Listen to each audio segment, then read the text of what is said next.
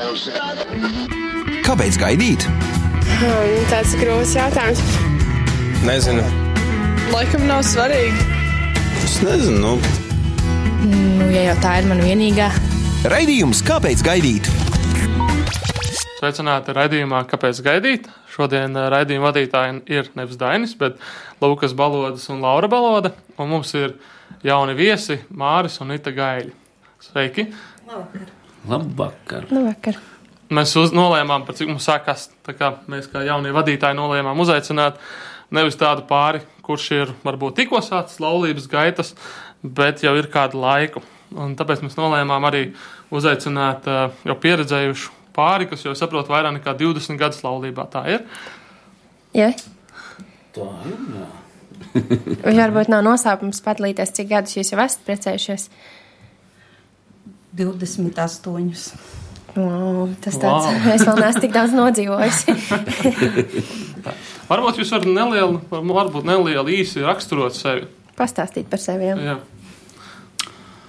jā, mans vārds Māris.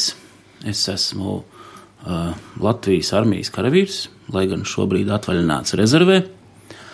Bet uh, turpinu strādāt valsts labā, kā cilvēks darbinieks. Man ir uh, brīnišķīga sieva Nita ir uh, trīs, nu jau var teikt, pieauguši bērni. Um, nu, uz doto brīdi uh, laulība un ģimene turpina plaukt, tā teiksim. Mans vārds ir Nita. Uh, man ir brīnišķīgs vīrs Māris. uh, es pati vispirms esmu dievbērns, uh, varbūt šobrīd esmu tādos dziļos meklējumos dievā. Uh, bet uh, darbojos es uh, patiesi dieva atbildētā lūkšanā, savā ziņā kalpoju dievam. Uh, esmu veikalu Hopen vadītāja, nu jau septiņus gadus strādāju šajā sfērā. Un, uh, audzinu nu jau pieaugušus trīs bērnus. jā.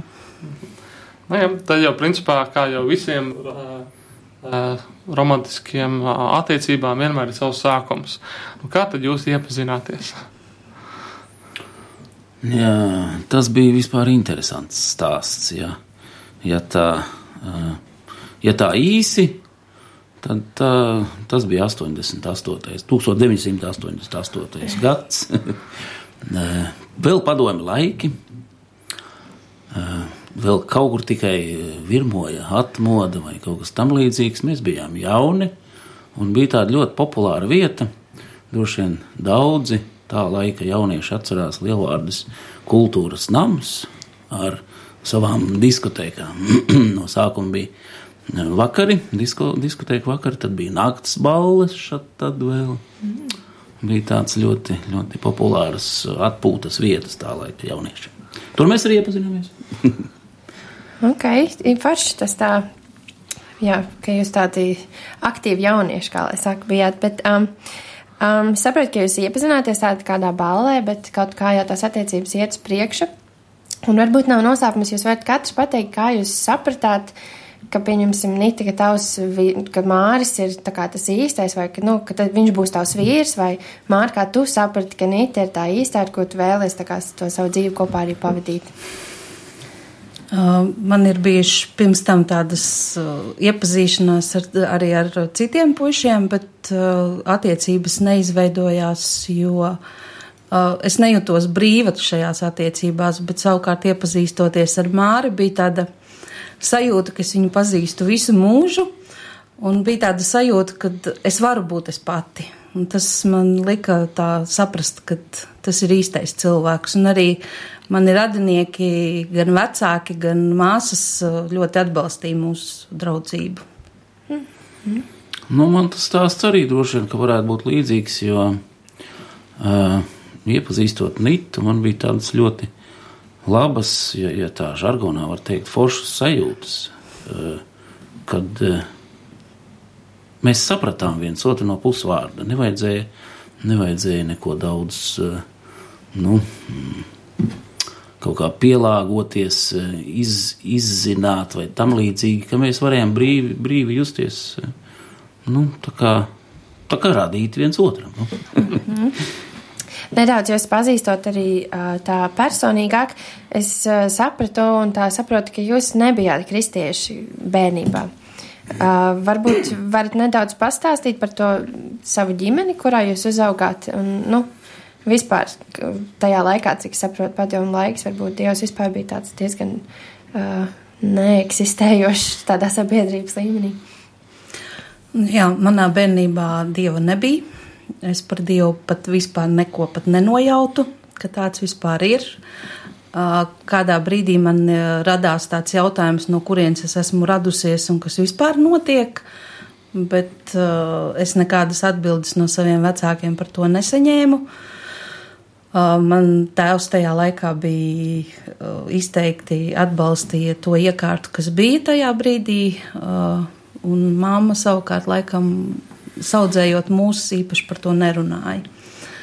Tad, kad nāca jau atmodas laiks, tad mamma sāka stāstīt, ka ir dievs, un tad vispār man pirmās kaut kādas apjausmas par to radās. Bet, uh, Pirmais tāds dažādu cilvēku ietekmē, pirmā, pirmais iespējas par Dievu man bija, kad viņš ir dusmīgs, viņš ir, viņš soda, viņš atriebjās, un es skaidri zināju, ka man tādu Dievu nevajag. Tāpēc mm -hmm. es tā kā ļoti turējos tam visam pretī, un es negribēju attiecības ar Dievu.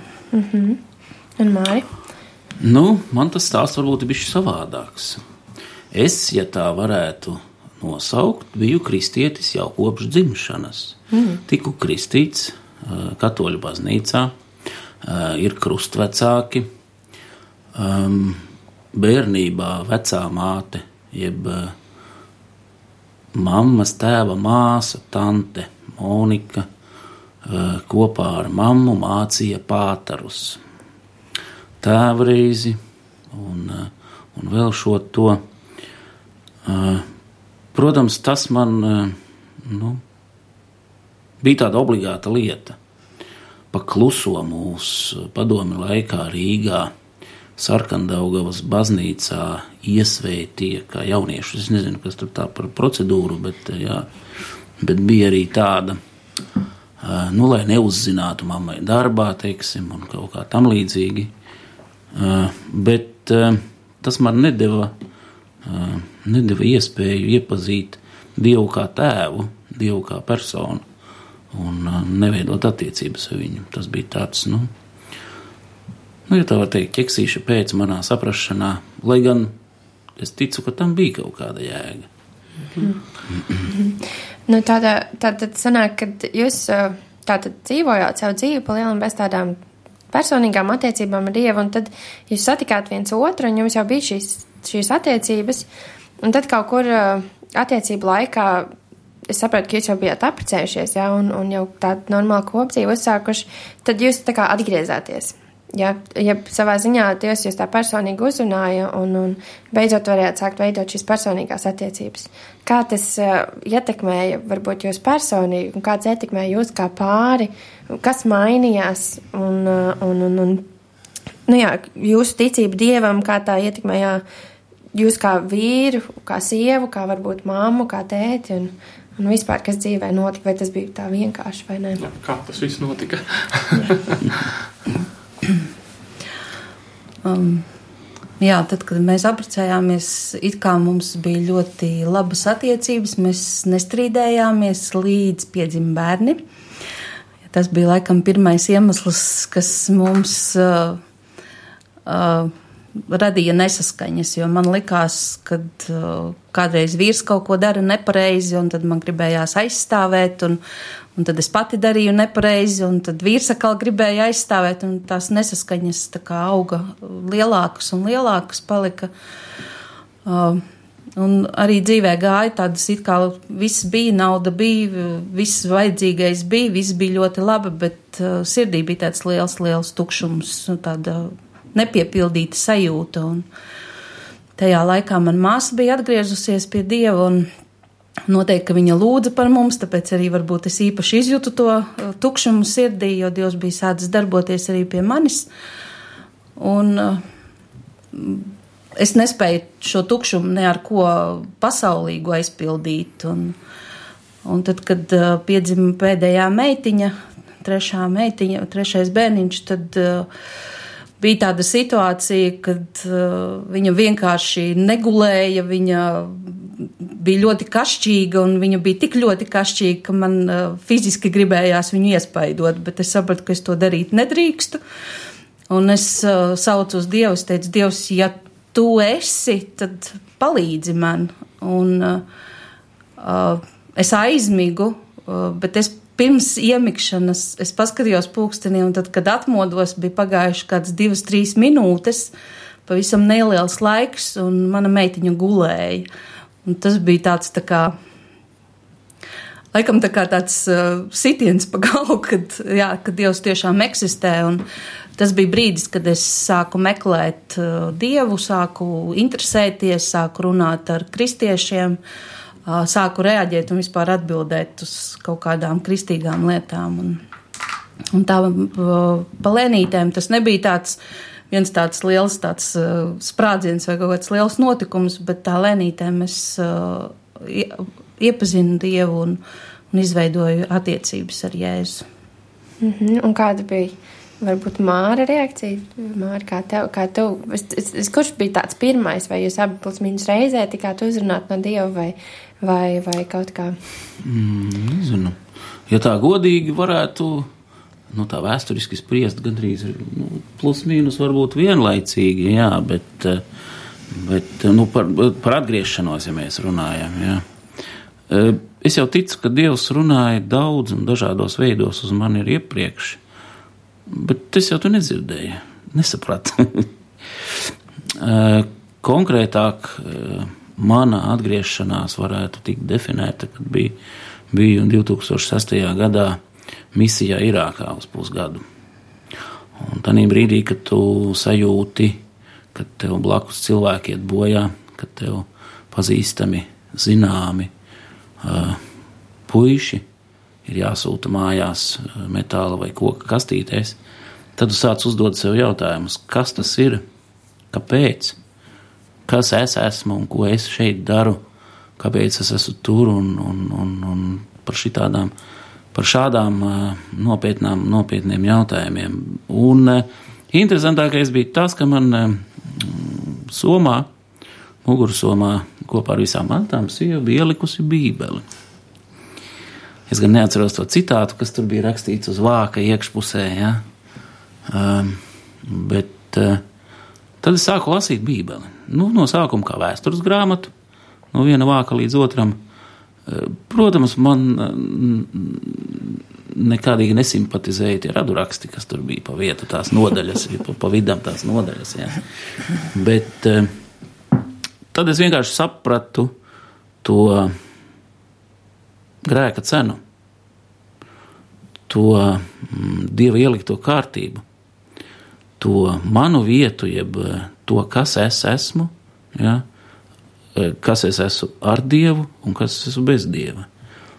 Ja? Grēks, grēka alga nāve, upuris.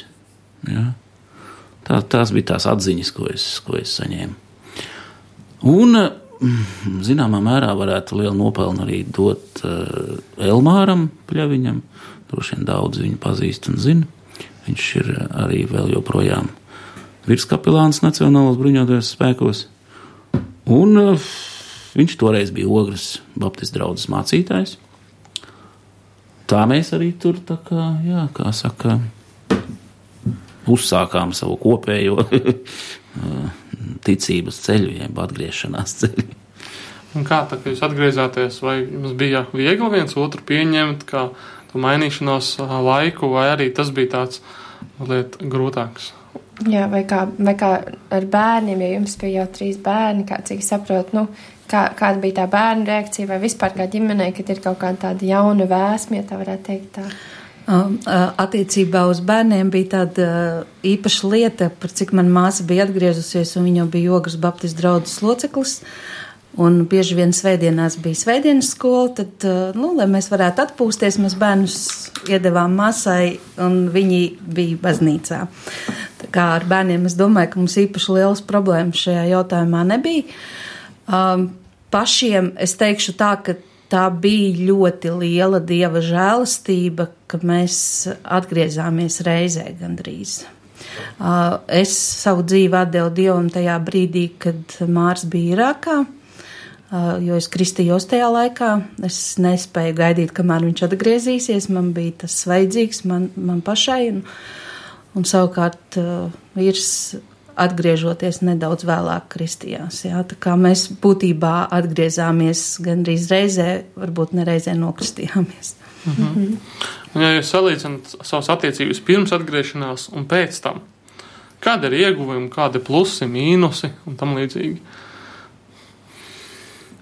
Hmm, tas tāds ļoti interesants eh, jautājums. Uh, attiecības pirms un attiecības pēc. Um, ja tā varētu uh, nodefinēt, jeb nosaukt īsumā lietas īstajos vārdos, tad atgriežoties mēs izglābām mūsu ģimeni. Jo zināmā mērā uh, dzīvojot pirmos kaut kādus 15 gadus laulībā, mm, bez sakarīga pamata, bez uh, lielas, teiksim, man nebija nekādas lielas saprašanas par tēva lomu ģimenē vai par, uh, par uh, vīrieša lomu kā tādu ģimenes veidošanā, bērnu audzināšanā. Ja, par, bija ļoti daudz. Mēs, mēs, mēs kad, kad precējāmies, kad nevis laulājāmies, bet precējāmies Zaksā tajā laikā. Mēs bijām pasaulīgi cilvēki, dzīvojām pēc pasaulīgiem principiem. Bija pasaulīgi uzskati, jā. Un man, man kā vīrietim nebija nekādas, es, es pats arī dzīvoju, man ģimene bija bez tēva, māte ar veco māti audzināja, vecais tēvs, onkulis vēl laukos bija, jā. Tie bija vienīgie vīrieši, kas man deva kaut kādu iespēju saprast to, to tēva lomu vai vīrieša lomu ģimenē. Un veidojot ģimeni, man bija droši vien, kad apzināta, lai gan es toreiz tā, tā, tā brīvi biju pieņēmis lēmumu, ka manā ģimenē bērniem būs tēvs. Un šo 15 gadu laikā bija dažādas nesaskaņas mums ar, ar Nitu un dažādas domstarpības, dažādi uzskati, nepareizi viedokļi par to, kā jāuzvedās, kā ir jābūt, jā, kur vieta ir sievai, kur vieta ir vīram. Jā. Un, eh, zināmā mērā, dodoties misijā uz Irāku, es jau biju eh, tādā nu, neitrālā vienaldzībā vai, vai nu, principā neitrālas mūsu savstarpējās attiecības. Bija visādi sāpinājumi, bija visādi aizvainojumi, bija nepiedošanas, bija viss, kas pasaulē mums ikdienā apkārt ir iespējams. Tas viss uzkrājās un ātrāk vai vēlāk. To jau var redzēt, man liekas, arī tīri pēc statistikas mūsdienās, cik eh, laulātie un, un, un vienkārši ģimenes pāri šķirās un par iemesliem runājot. Bet atgriežoties mums, man konkrēti, bija iespēja atklāti izrunāties. Izrunāties ar Nitu, uh, uzklausīt viņu. Viņa uzklausīja mani, mums bija iespēja uh, lūgt atdošanu viens otram, saņemt atdošanu, uh, patiesi piedot, īsti piedot. Jo manā skatījumā atdošanas jēdziens nāk tikai uh, caur Dieva gara svētību. Pa īstam sirdī piedot to var tikai Dievu, Dievu spēkā. Un uh, tas, es, es tā uzskatu, tas mums deva uh, iespēju jā, uh, sākt visu no jauna. Un uh, tie, tie kopējie 29 gadi, nu, vēl nepilni, jā, tie varētu dalīties uz pusēm, pirms atgriešanās un pēc. Jo pēc atgriešanās mēs sākām būvēt ģimeni uz īstiem pamatiem. Tā, mm -hmm. ja varētu teikt. Mm -hmm. Jā, paldies. Kas ir jūsu laulības, ja varētu tā teikt, moto, doma vai tāds vienkāršs kāda lieta, kas ir palīdzējusi jūsu laulībā? Ja nekā jums jau ir gandrīz 30 gadi kopā laulībā, un kas ir tāds jūsu tāda domu grauds, kas jums ir palīdzējis nu, 30 gadus nodzīvot? Es pat nezinu, vai, vai tas, uh, nu, es negribētu to saukt par zvērestu, bet uh, pirms mēs uh, devāmies laulībā, mēs viens otram apsolījām, kad uh, mēs nešķirsimies kaut kādu ārēju apstākļu dēļ, ka mēs cīnīsimies. Un tas bija tā kā, tā kā varbūt pat tā kā tāds, tāds spēks, kas arī mūs saturēja tādos brīžos kopā, jo tādas situācijas bija ļoti daudz, kad uh, mēs bijām gatavi iet, iet katrs uz savu pusi. Uh, Un vienkārši tas bija kaut kas tāds, bet mēs taču viens otram solījām, ka mēs tā vienkārši to ne, nepametīsim. Un tas bija laikam tāds, nu, pat varbūt savā ziņā neapzināts spēks, kas mums deva, deva spēku un izturību iet, iziet cauri grūtībām. Konkrēts jautājums katram atsevišķi no jums par to, kādam būtu jābūt, ja kā jūs redzat. Um, Tā kā, piemēram, Nita, kā tu redzi, kādam ir jābūt, ja kāds ir vīrišķīgs vīrietis. Kaut kādas vai ne īpašības, vai vienkārši kādas lietas, kuras tu saskati, ka liekas, nu, tādu vīrieti, ja mēs paņemam tā no ārpus tādas ikdienas, bet vispārīgi, ja liekas, ka tādu vīrietis būtu gatava apprecēt. Nu, es saprotu, ka tu esi precējies, bet vienkārši kā tāds, es nezinu, kaut kas, kas varētu palīdzēt, varbūt mūsdienās meitenēm, kuras meklē normālu vīrieti, ar ko veidot ģimeni kopā, kas varētu palīdzēt viņām tādu domu graudu. Nu, kas būtu tas nu, no visiem, ko man izvēlēties, bet mazliet. Un, un Mārta, arī kas būtu tādas, eh, nu, kas būtu tādas lietas, kas padara sievieti sievišķīgu, kādas īpašības vai varbūt lietas, ko viņa dara. Vienkārši kā, kā tu redzi, eh, kādām būtu jābūt, varbūt kā, nu, sievišķīgai māmiņai vai kā. Kas būtu tādas svarīgas lietas? Varbūt tas tieši palīdzētu, piemēram, sievietēm saprast, kas ir tas, ko vīrieši no viņām gaida. Un, piemēram, ja tu nīti pasaki par to, kādam jābūt vīrišķīgam vīrietim, tas atkal palīdz vīrietim, varbūt kādam saprast, ka man varbūt labāk jāstrādā pie sava rakstura, piesim, nekā pie tā, kā es izskatos, vai otrādi. Nu tā, kā jums liekas? Um, priekš manis pirmais tāds vīrišķības uh, rādītājs tieši no mana vīra puses bija tad, kad mēs vēl nebijām precējušies. Uh, viņš nāca ar manu māmu runāt, un viņš manai mammai teica, ka viņš ir gatavs uzņemties atbildību, kas priekš tā laika bija liels brīnums priekš manis un vispār priekš sabiedrības. Un man viņš teica, ka viņš grib apprecēties, bet vienreiz mūžā.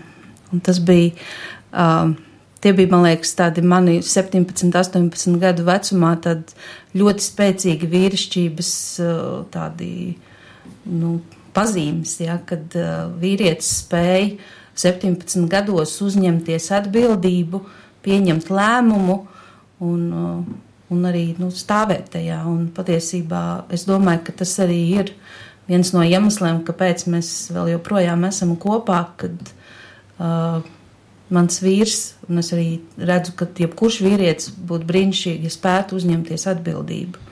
Mm. Ja spētu atbildēt uh, ne tikai par sevi, bet arī par savu sievu un par saviem bērniem un pilnībā uzņemties atbildību. Um, man kā sievai tas ir ļoti liels atvieglojums, jo es nezinu, cik tas maksā. Es ne par ko nemaksāju, man vīrs to visu kārto. Tas nenozīmē to, ka uh, es nelie, nelieku savu naudu ģimenes budžetā, bet uh, es patiešām nezinu, cik tas maksā un par ko ir jāmaksā.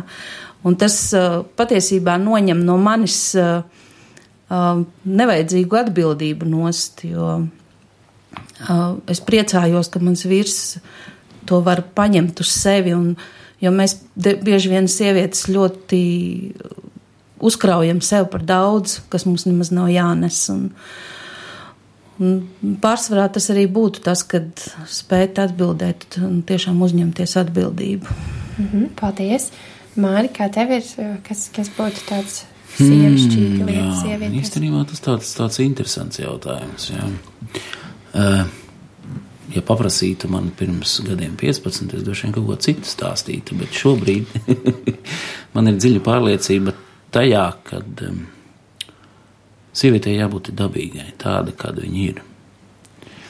Nevis slēpties aiz uh, kilogramā kosmētikas vai parūkas vai uh, polstrēta apģērba, teiksim, vai kaut kas tam līdzīgs, bet uh, lai sieviete ir nu, patiesa, patiesa, kāda viņa ir ikdienā, patiesa attiecībās, atklāta. Um, protams, zināmā mērā tas varētu būt tāds, tāds nu, neizpildāma vēlme, ja, jo mūsdienās pastāv viedoklis, kad uh, tu esi brīvs, tu esi pats par sevi, tev nav jāatklāj citiem, kāds, kāds tu esi vai kas iekšēji tu esi uh, briesmīgs, bet ār, ārēji uz, uzvedies, teiksim, nu, smaidošs, laimīgs un priecīgs.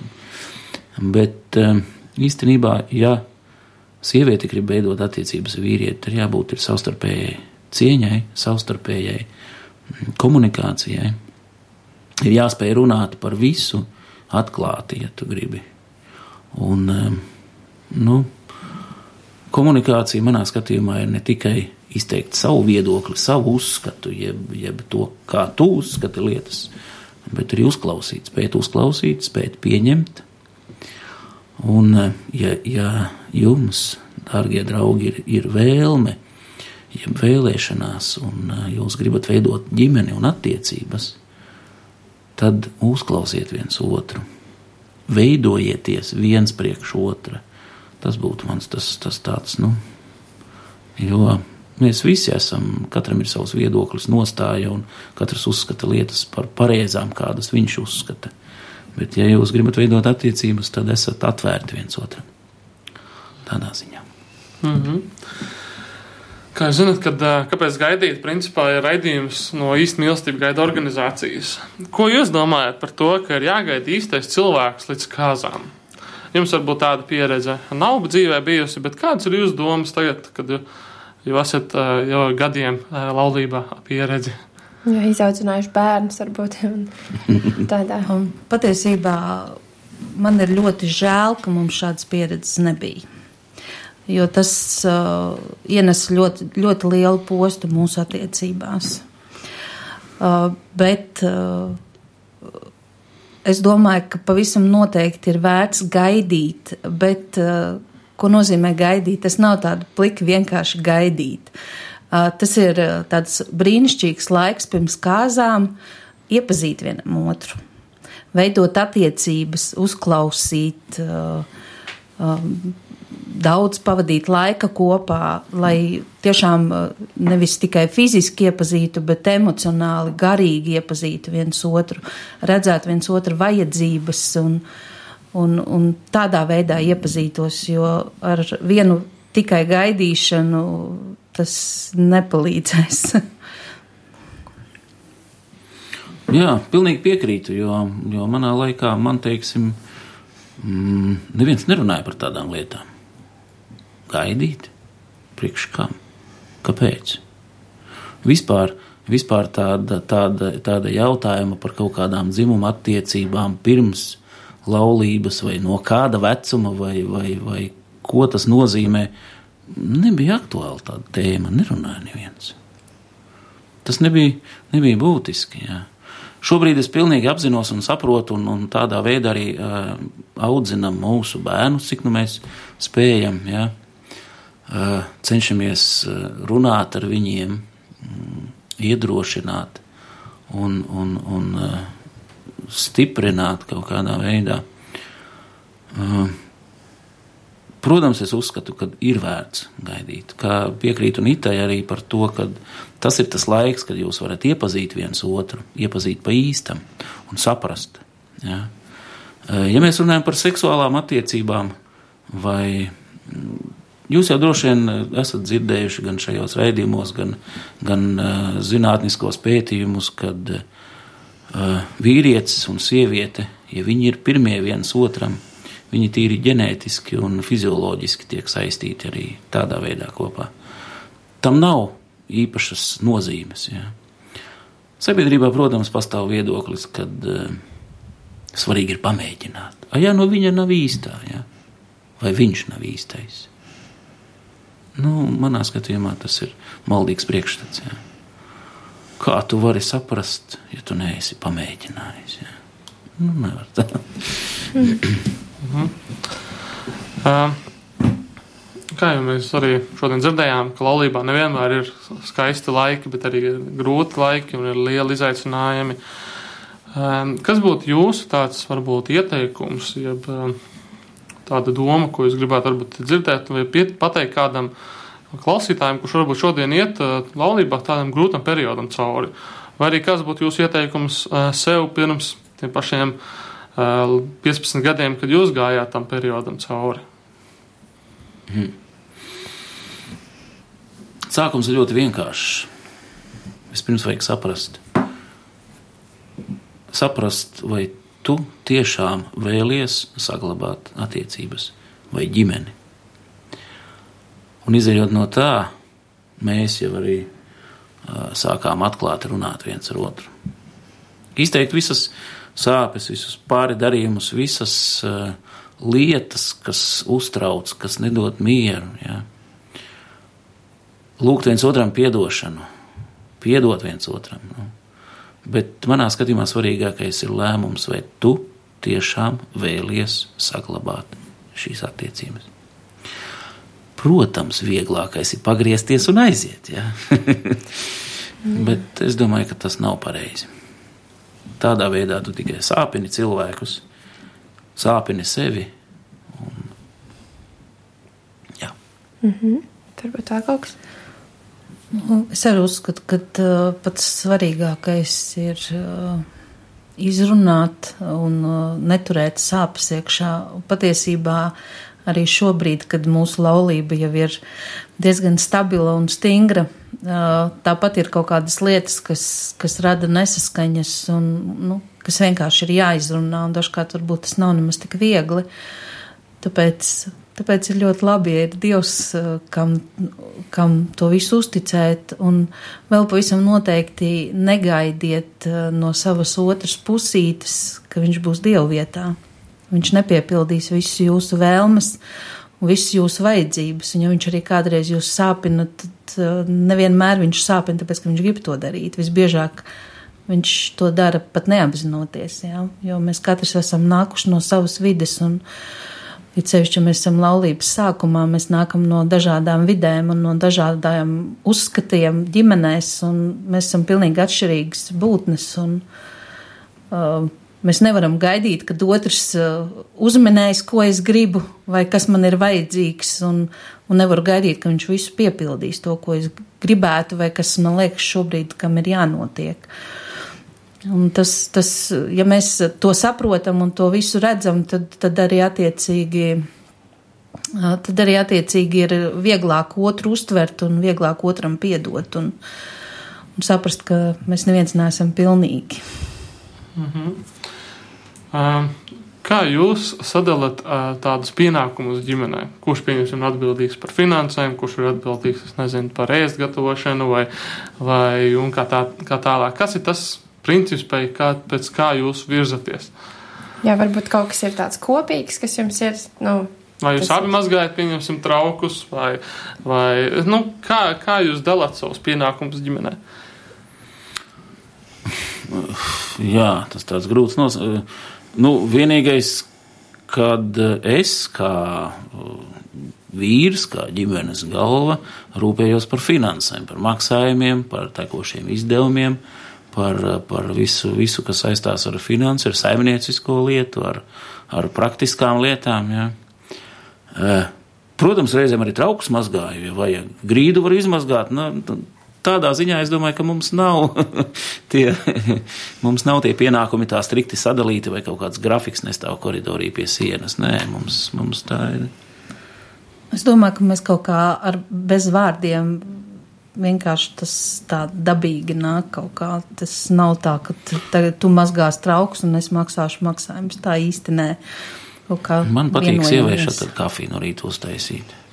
Citreiz brīvdienās viņa man uztaisa. Nu, arī, nu, jā, nu, tas ir tā. jā. Um, par cik jūs jau esat diezgan ilgu laiku laulībā?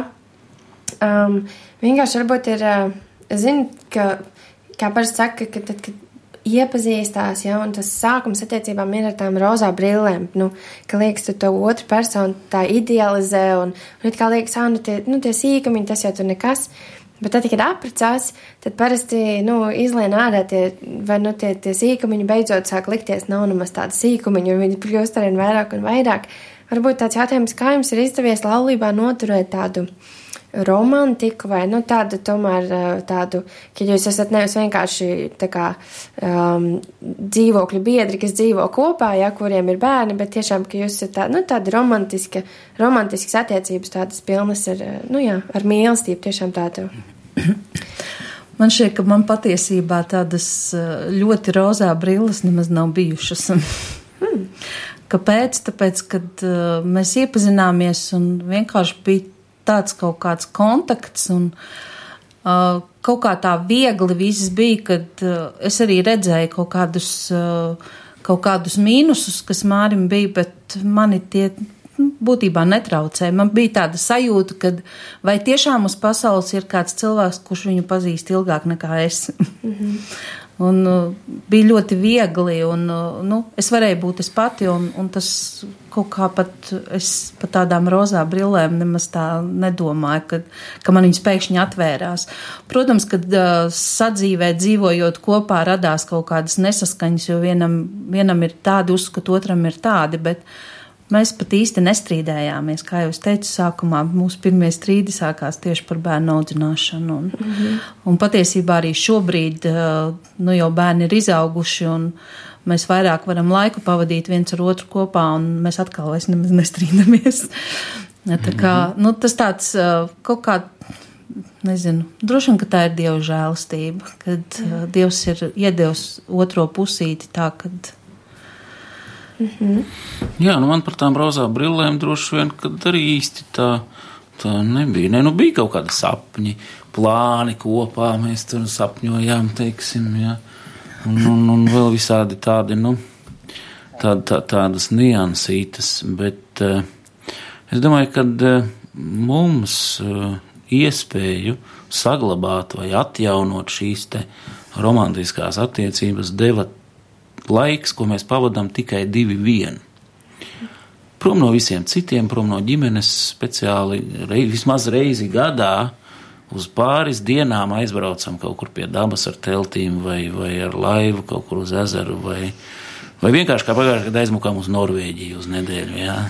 Divatā. Laiks, ko mēs varam pavadīt divatā, viens priekš otra, viens ar otru, nu, tas dod tādu nu, stiprinājumu, kā kā, kā spēku, kā nu, atbalstu. ja tā var. Nu, raidījums jau principā jau iet uz beigām, tam mēs tādu, tādu pēdējo jautājumu. Kāds būtu jūsu varbūt novēlējums, ieteikums, iedrošinājums mūsdienu jauniešiem, kuri veido, varbūt sākuši veidot attiecību, kur jau ir attiecībās? Kas būtu jūsu tāds iedrošinājums viņiem? iedrošinājums.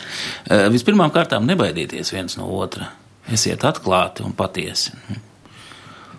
Jā, tas varētu būt. Jā.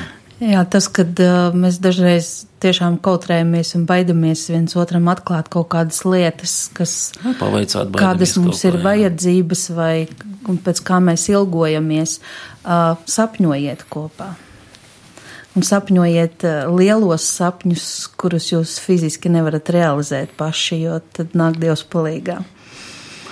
Jā. Uh, liels paldies, ka atnācāt ciemos pie mums. Uh, šis bija raidījums, kāpēc gaidīt. Pie uh, vadījām es, Lukas un Laura Baloži, un paldies Nitai un Mārim, ka jūs ieradāties pie mums un bijāt gatavi uz interviju. Paldies!